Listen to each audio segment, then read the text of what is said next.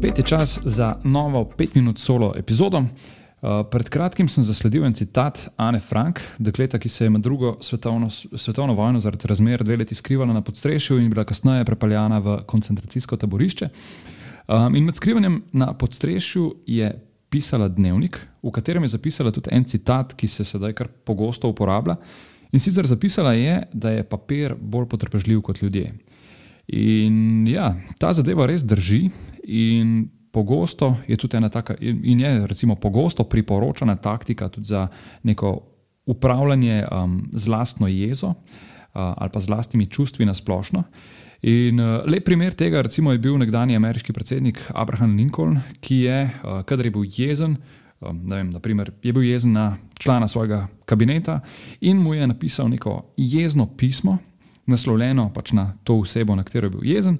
Potem je dal pismo na stran in ga naslednji dan ponovno prebral in se odločil, ali ga bo poslal ali ga ne bo poslal. In v večini primerov ga pač baje ni poslal. Je pa, nekako uspešno, eh, je pa tako nekako uspešno zlil svojo jezo na papir in uh, se tako razbremenil nekih negativnih občutkov. Um, in naslednji dan, ko je imel recimo nek bolj trezen ali pa objektiven pogled na situacijo, je pač presodil, ali bo ta naslovnik prejel to pismo ali ga ne bo. Um, enako lahko danes uh, uporabljamo mail, sicer ni papir, ampak je recimo, to je nek elektronski papir. Recimo, in uh, osebi, na katero smo jezni, napišemo nek jezen mail in ga na, na to samo shranimo in naslednji dan pogledamo.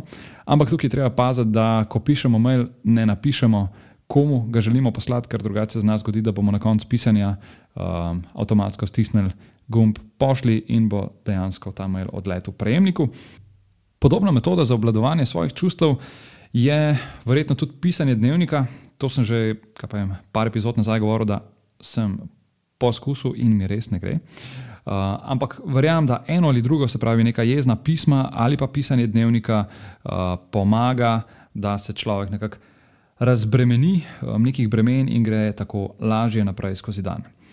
In ja, papir je dejansko bolj potrpežljiv, prenese tako neke slabe misli, um, jezo in podobno, in na drugi strani hrani tudi neke dobre ideje in konec koncev tudi lepe, in, lepe misli in neke pozitivne zadeve, ki jih zapišemo. Um, enkrat sem poslušal Tima Ferisa, ki je razlagal, da je imel doma neko skledo ali pa nek kozarec, v katerega je pač um, dajal listke, uh, na katere je napisal recimo neke dosežke, ki jih je v danem momentu. Um, Dosegel ali pa neke pohvale, ki jih je projel v danem momentu, se pravi, ko se mu je nekaj pozitivnega zgodilo, je napisal na listek, ga zložil in vrgel v ta, recimo, kozarec skledo, kar koli bi temu rekli. Ko pa je bil slabo razpoložen, um, ne vem, je imel neke um, negativne misli, ali pa ne vem, kaj pa vem, mu ni šlo, ali pa karkoli že, pač ko, ko ni bil njegov dan, je pa iz tega kozarca ven vlekel te listke in preberal te um, pozitivne. Um, Kaj pa vem, ali so to, kot sem prej omenil, pozitivne misli, pohvale, dosežki, karkoli že pač, um, potegnil iz listka, je pač bral to vsebino, ki jo je prejšnjič um, metal v kozarec, zdaj je imel ven in prebiral, kar ga je pa spravilo v vem, boljše razpoloženje, boljšo voljo, ga je motiviral, kako koli. Um, ja, skratka, ja.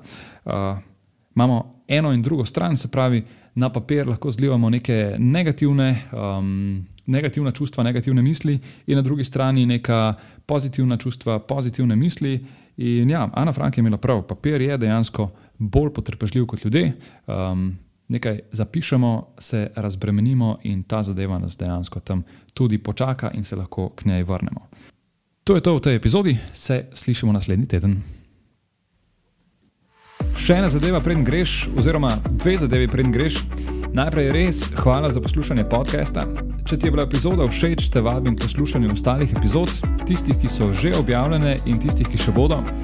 Hkrati pa te prosim, da na svoji podcast platformi podaš oceno oziroma pustiš komentar ali pa mogoče še več, da deliš podcast s svojimi prijatelji oziroma osebami, za katere meniš, da bi jih utegnil zanimati.